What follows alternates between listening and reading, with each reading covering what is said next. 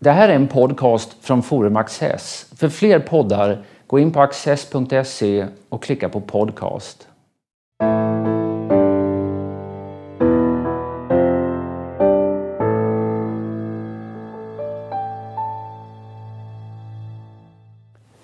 Välkomna till Studio Access. Idag ska vi prata politik och min samtalspartner är PM Nilsson, politisk redaktör i Dagens Industri. Varmt välkommen hit. Tack. Det händer mycket i politiken eh, och nyligen så eh, mötte decemberöverenskommelsen sitt öde. Den har styrt rätt mycket av den politiska debatten eh, sedan i december 2014. Vad, vad kommer historikerna att skriva om den här decemberöverenskommelsen tror du?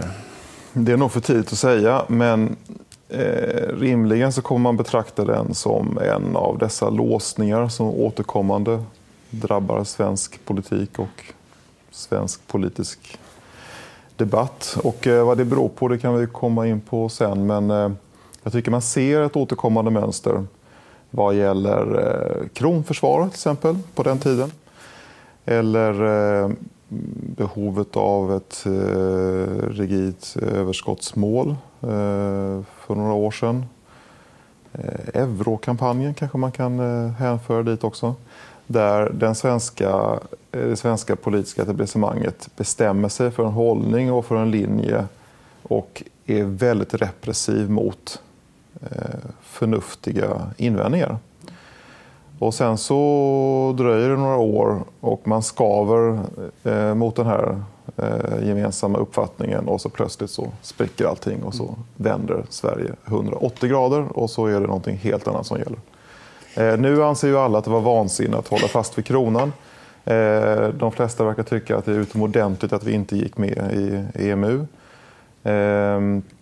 De flesta nationalekonomer tycker ungefär som Lars Ohly i valet 2010 då borgerligheten skrämde vettet ur väljarna med honom för att han ansågs ha en eh, så oansvarig ekonomisk politik. Eh, Jens Henriksson från Folksam sitter och eh, gör en utredning för att göra ett balansmål istället för ett överskottsmål. Etc. Jag tror att det som Riksbanken håller på med nu och det här inflationsmålet kommer också anses som en låsning som man kvickt överger så småningom. Och decemberöverenskommelsen är ju en sån konstruktion och en sån mentalitet tror jag. Som... Om man får spjärna emot lite grann där så kan man säga att eh, de andra exemplen du ger, de handlar alla om att ja, etablissemanget, ja, om sakfrågor. Och det speciella med den här decemberöverenskommelsen var att den inte handlade om det. Nej, det var en, form, en formfråga för, eh, för eh, hur, hur man ska bilda regering i Sverige. Men det var, men det var ju en, en, en uppfattning som eh, var lätt att invända mot av alla möjliga skäl. Men eh, etablissemanget bestämde sig för att det här är eh, det vi ska hålla oss till. Partierna eh, accepterar detta. Eh, statsvetarkåren överlag accepterar detta. Pressen överlag accepterar detta. Vi var den enda inte den enda, vid sidan av svenskan, eh, de enda tidningarna som eh, spjärnade emot. Va? Eh, så det, är, det är någonting, det är många som har sagt det förut, men det är någonting med den svenska mentaliteten som, som gör att den lätt låser sig vid en uppfattning och inte tål några invändningar. Och då säger, då säger såna här kloka personer som vår vän Roland på Irene Martinsson att det där vet ni beror på att ni fortfarande är tungomålstalande, oansvariga lutheraner. Och ni är, ni är inte med i den breda, folkliga, riktiga kyrkan där ni blir förlåtna för att ni är som alla andra och för att ni har brister som alla andra. Och, och, och, det ligger ju någonting i det. Om man tittar på den svenska förda flyktingpolitiken nu va, så är det ju, den är ju exotisk på så många sätt och har eh, så svårt att ta in att eh, det finns praktikaliteter som är omöjliga för Sverige. Det finns ett att, eh, drag av det här att om, om någonting är antingen är någonting rätt eller fel.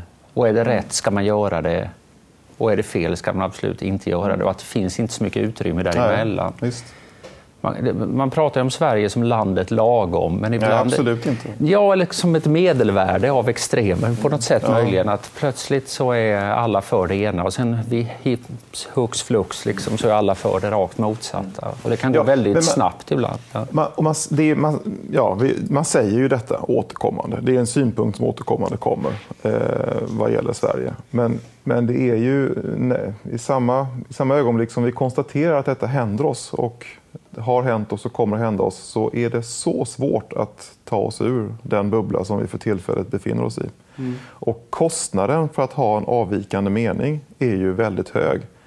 Eh, man, man brännmärks som kättare eh, och eh, priset inom partier, inom medieorganisationer, inom näringslivet, inom akademierna, att ha den avvikande mening är ju ibland allt för hög. Va? Så, att, eh. så det, är, det, är, ingen slump kanske på ett sätt att det är liksom gräsrötterna i alliansens minsta parti? Mm. Som Nej, på något sätt detta. till sist räcker upp handen och säger är det här så bra egentligen? Nej. Och då poff! Mm. Det tog inte många minuter innan även alliansens största parti glatt anslöt sig. Alla var lättare över detta? Utan att egentligen Moderaterna, det står väl inget i den överenskommelsen om att alla måste vara med på den? 189 eh, kristdemokratiska ombud, va? var det? Mm. Var det så många? Mm. Ja. Som välte detta. Ja, det, men de, de har ju då en tradition av att inte riktigt vara med i eh, den här eh, bubblan. De har ju en outsider-känsla hos sig, mm. tror jag, eh, Kristdemokraterna. Eh, och de, de svär i den här liksom, ganska trånga kyrkan på massa områden. Mm. Så att det är kanske ingen slump att det är de som till slut eh, sa som det var, att så här kan vi inte ha det. Vad är, vad är möjligt att göra nu? När decemberöverenskommelsen har blivit historia, vad kan vi göra i svensk politik som vi inte kunde göra så länge den fanns på plats? Eh, jag tyck, dels så infanns det sig en lättnad, även hos Socialdemokraterna, att eh, den här försvann. Eh, det var den första reaktionen. Sen så såg man efter ett par dagar, och idag till exempel, att det är någon slags orientering mot mitten eller högerut. Miljöpartiet öppnar för samarbete kring eh, RUT-avdragen till exempel. Det verkar som att de vill sitta i finansutskottet och pilla sönder Magdalena Anderssons budget, vilket är häpnadsväckande som besked. Men det ändå säger någonting om orienteringen som är på gång.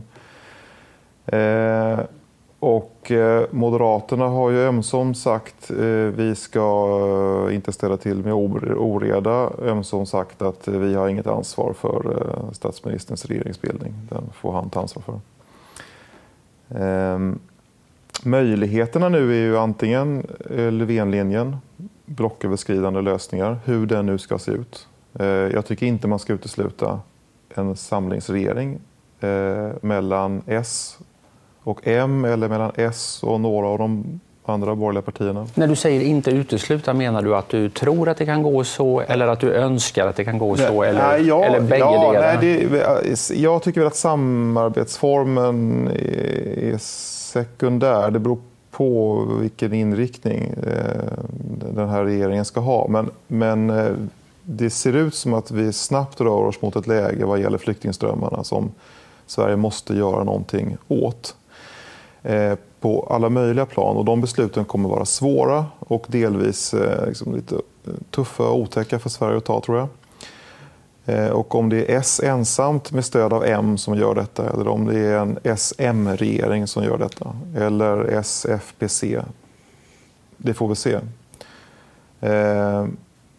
Men, men det är ju, det är ju Löfven-linjen. Den andra linjen är ju att Alliansen tar makten Eh, med stöd av SD på ungefär samma sätt som sossarna traditionellt har regerat landet med stöd av VPK. Det vill säga man förhandlar inte med dem men det finns ett underförstått antagande om att VPK på den tiden inte störtade en S-regering.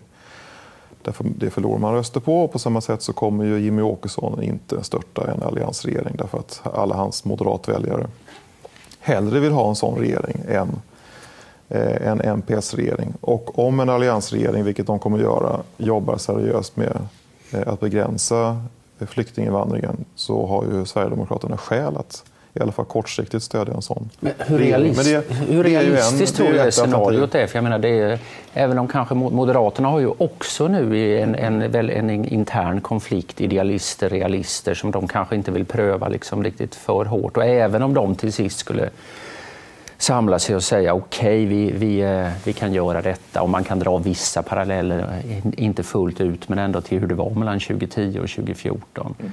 Tror du verkligen att de små borgerliga partierna Centerpartiet har väl sagt att de inte vill medverka i något sådant och att de då hoppar av alliansen. Eh, om den linjen gäller i den situationen, det får vi se. Eh, och jag tror att mycket avgörs av de praktiska omständigheterna vad gäller migrationen. Eh, de rapporter som kommer nu från olika myndigheter är ju väldigt, väldigt allvarliga. Och på knastertorr myndighetssvenska så meddelar man ju att det är krisläge som jämförs vid eh, en mycket stor olycka eh, eller nästan krigstillstånd. Så att det här är en realitet som pressar det politiska systemet in på vägar som man nyss tyckte var otänkbara men som kanske blir tänkbara. Och frågan är då vilken konstellation som är beredd att ta ansvar för den här situationen. Om man tänker sig liksom scenario ett där då med Löfven kvar eller möjligen i ett läge utan Miljöpartiet, med eller utan eh, M även i M, liksom, det, det, finns, du tror inte det finns så mycket uppdämd oppositionslusta nu efter de här eh, nästan året med du, att det blir väldigt svårt att få dem att, att stötta, acceptera ja. Löfvens fortsatta styre? Ja. Jag tycker väl att de ska tänka som Ingvar Carlsson gjorde eh, i början på 90-talet när de gick in och stöttade Bildt-regeringen 92. Eh, då gick Mona Sahlin och Ingvar Carlsson upp till Rosenbad och gjorde upp och tog tuffa beslut. Och det fanns ju en intern kritik inom S. Varför hela friden ska vi hjälpa denna otroligt misslyckade högerregering som återigen har förstört landet? Och då fanns det en kalkyl hos Karlsson. Eh, dels så sa han nej men vi tar inte ansvar för bildregeringen, vi tar ansvar för landet. Men det fanns ju också en insikt hos honom och hos Salin att om vi gör detta nu så bäddar det för det förtroendet som leder till en valseger nästa gång. Det är inte alls omöjligt att Moderaterna har skäl att göra liksom samma antagande. Att om man går in nu och visar ansvar så väcker det respekt och sympati och man bygger vidare på den som regeringsduglighet som eh, Reinfeldt och Borg gjorde en stor och framgångsrik poäng av. Och att det är någonting som ja, M har att tjäna på rent partiegoistiskt. Men det beror ju på vad den här, liksom, vad den här eh, samlingen kring mitten gör såklart. Eh, om det blir eh, liksom ny, nya ihåliga gester och nya floskler och nya hundraklubbar och sådär så, så, så, kommer, så kommer det inte väcka någon som helst respekt. Men om det blir skarpa förslag och skarpa åtgärder så tror jag att medborgarna absolut respekterar det. Man skulle få en rätt paradoxal situation här. Att, att du hade du, decemberöverenskommelsen, som på ett sätt då eh, Eh, innebar att oppositionen la ner vapnen på eh, förhand. Eller de kanske inte la ner dem, utan de skramlade väldigt mycket med dem, men de hade lovat att inte använda dem. Det var högt tonläge. På det ekonomisk-politiska ja, ja, exakt. Mm. Högt tonläge, skarp konflikt i riksdagen. Eh, men liksom at the end of the day så kommer man inte att agera när det gäller budgeten och allt som har med ekonomin att göra. Okej, okay, då försvinner uppgörelsen. Och då skulle man istället, när det blir möjligt att vara oppositionell på riktigt, mm. då får man samarbete. Mm. Ja, visst, men alternativet är ju att man eh, störtar budgeten. Ja, nej, jag säger inte att detta är bra eller dåligt, det är bara en, ett intressant jo, nej, ja, eh, resultat. Ja, och, där, och där, är ju, där har väl, tycker jag, M skäl att liksom hålla på sina hästar då eh, och, och, och, och se till läget i landet. Så de flesta väljare eh, är ju i första hand intresserade av eh, att det ska gå bra för landet och i andra hand intresserade av att det ska gå bra för, sina, för de partier man röstar på. Alltså det är, Alliansen i all ära och Moderaterna i all ära, men det är ju inte det första som folk tänker på. Nej, och det, var, det var väl en av... När de vaknar på morgonen. Utan man vill ju ha, man vill ju ha liksom partier som funkar konstruktivt i förhållande till den, den verkligheten man ser. Och just nu så ser man ju ett eh, flyktingmottagande som närmar sig en kollaps och då efterlyser man ett ledarskap. Och, eh, jag, jag, jag önskar eh, och, och tror, men jag, jag, jag, jag har väldigt svårt att se att det skulle utlösa liksom en eh, bitterhet hos moderata väljare i alla fall, om man skulle gå Löfven till mötes nu. Så moderata aktivister och folk i riksdagen och sådär. Ja visst, kanske. Eh, men eh, de gör nog klokt i att vänta lite nu och bygga förtroende inför 2018 och istället eh, hjälpa Löfven, för han leder trots allt det största partiet, att göra någonting åt situationen. Och om man tänker sig en uppgörelse Alltså då måste det ju bli ett givande och tagande mellan S och M. Jag tror, jag tror inte det är aktuellt att, att eh, de, något borgerligt parti går in och helt enkelt bara glatt eh, stöder den eh, nuvarande budgeten.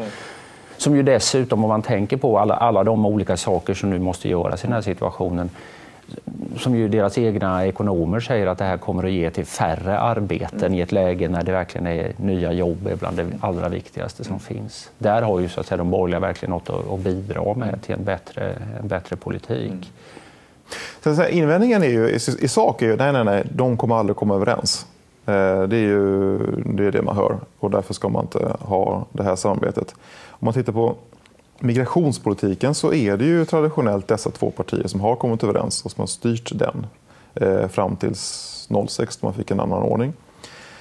Så att där tror jag eh, att det inte finns några större svårigheter. Då är det eh, tuffare för dem att komma överens om det man kallar för integrationspolitik. Mm. Där de har olika syn. Eh, men vad gäller skattepolitiken så kom det ju något slags besked från Moderaterna inför valet 2014 då Anders Borg sa att nu är det slut med eh, skattesänkningar. Mm. Man la ett slags golv där. Va? Eh, och eh, nu håller ju såklart Socialdemokraterna inte det men det kom ju något slags besked även från den kanten att vi kommer inte höja inkomstskatterna på det viset som ni befarar. Och om man lyssnar på oberoende bedömare så verkar de ju tycka, eh, Konjunkturinstitutet och sådana, att eh, Sverige bör höja skattetrycket något för att klara de åtaganden som eh, vi har vad gäller socialförsäkringssystem och sådär. Och, och migrationstrycket ökar ju behovet av offentliga medel just nu för att klara skolor och sådär. Nu höjer de ju skatten en hel del får man väl ändå säga. Jo, det budgetförslag som ja, ligger. Något, något höjer man skattetrycket. Och de höjer ju även, ja, i stort sett det enda skatt de inte höjer det är ju liksom vanliga löntagares mm. eh, inkomstskatt. Just det, det låter man bli. Och så, så man men har... men hö, hö, ja, höginkomsttagare, hög och medelinkomsttagares marginalskatter och, och, plus en massa skatter som slår mot sysselsättningen för de som har låga löner i och med RUT och så vidare. Men sen har man då den andra, en annan svår och tuff fråga och det är ju eh, bostadsbubblan. Mm. Eh, och, och, där menar ju olika bedömare ändå att man bör ha en högre beskattning på det befintliga bostadsbeståndet. Så, eh, och eh, att det kommer kanske då kunna bidra till att dämpa prisutvecklingen. Och det är förbjudet att kalla, kalla det för fastighetsskatt, man kanske kan kalla det för någonting annat.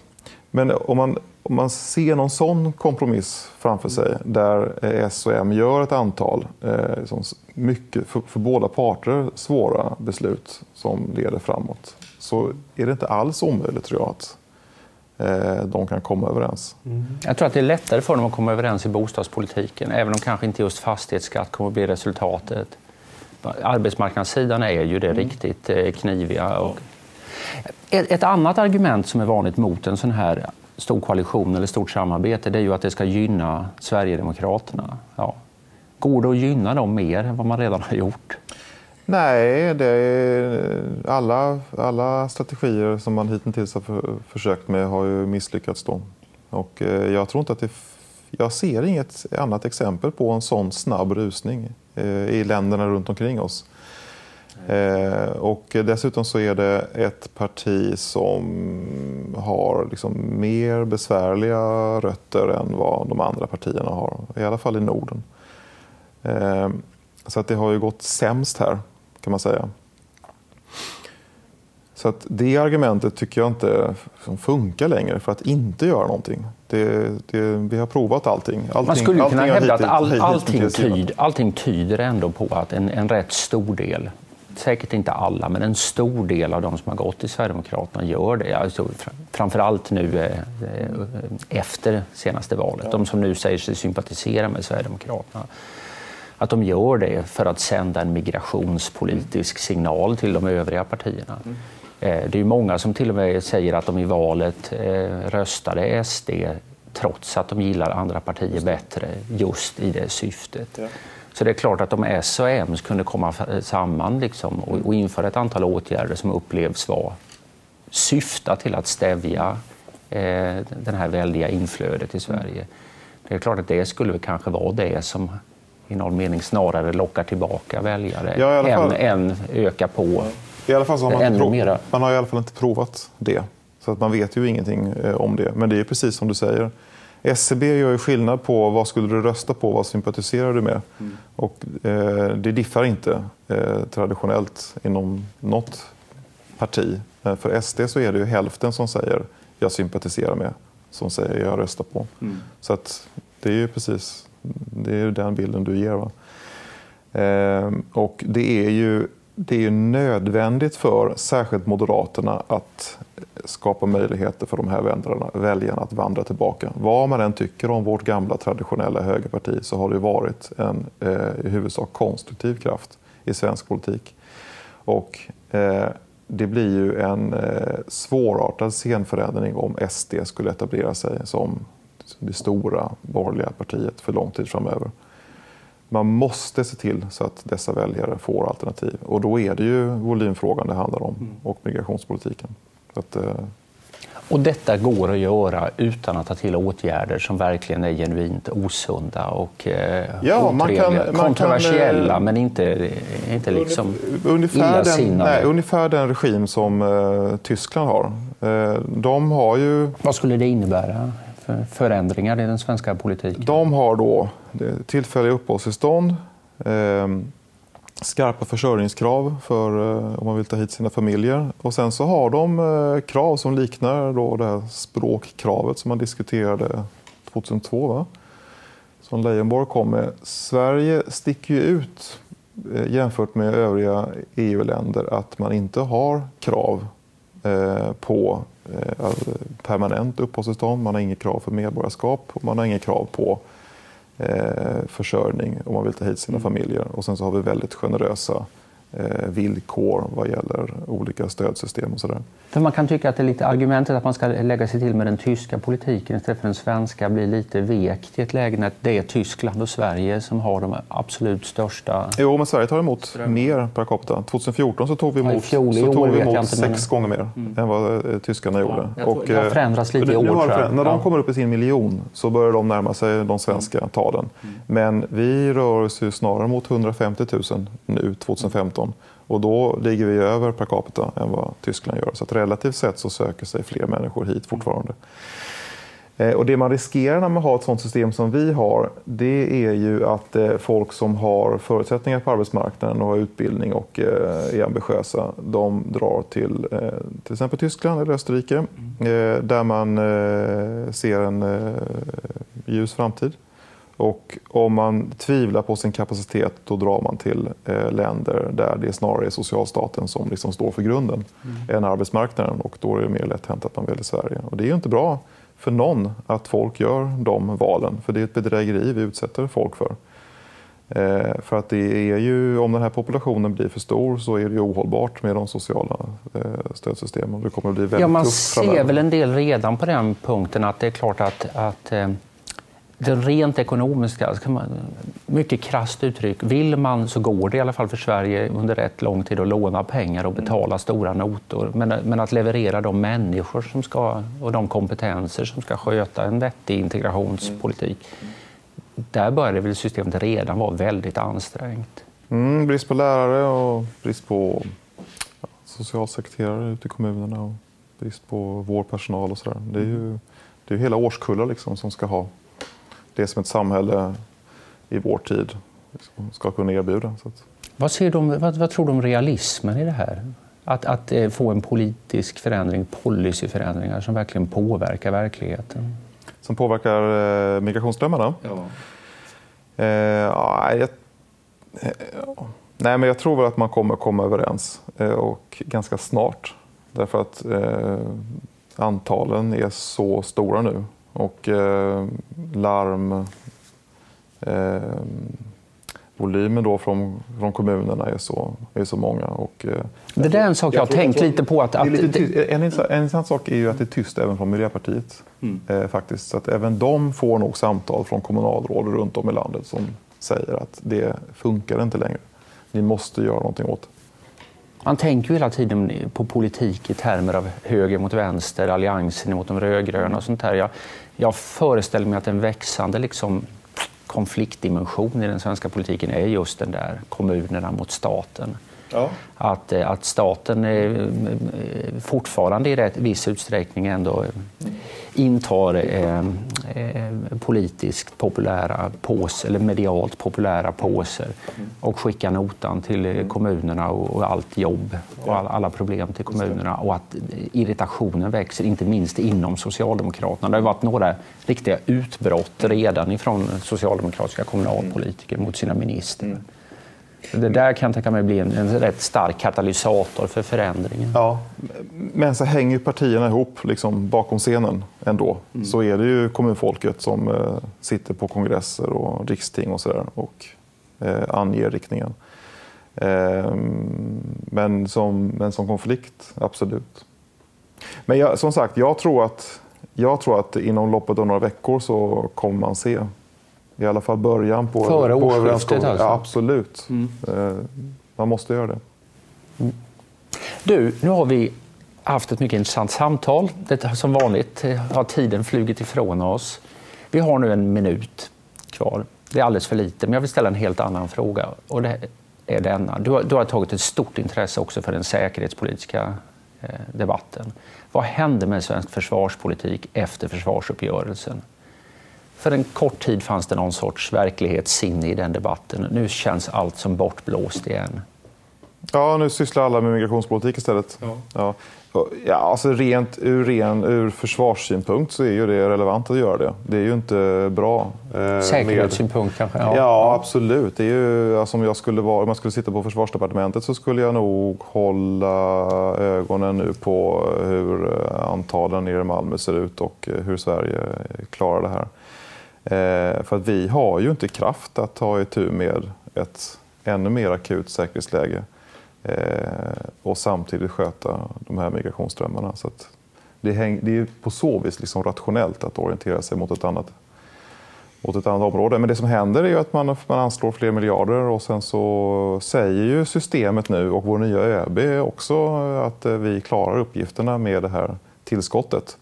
Eh, och, och, det är ju ingen som tror, i alla fall, i alla fall de Nej, som, vilka, i alla fall de som kan någonting om det. Ja, vilka upp, man har inte intecknat eh, den nya säkerhetsbilden från Ryssland i, det här budget, i den här budgetförstärkningen. Jag känner att det var inget klokt att besluta med att sätta igång den här eh, diskussionen för det är så mycket mer man skulle vilja tala om men vi måste faktiskt sätta, sätta punkt nu.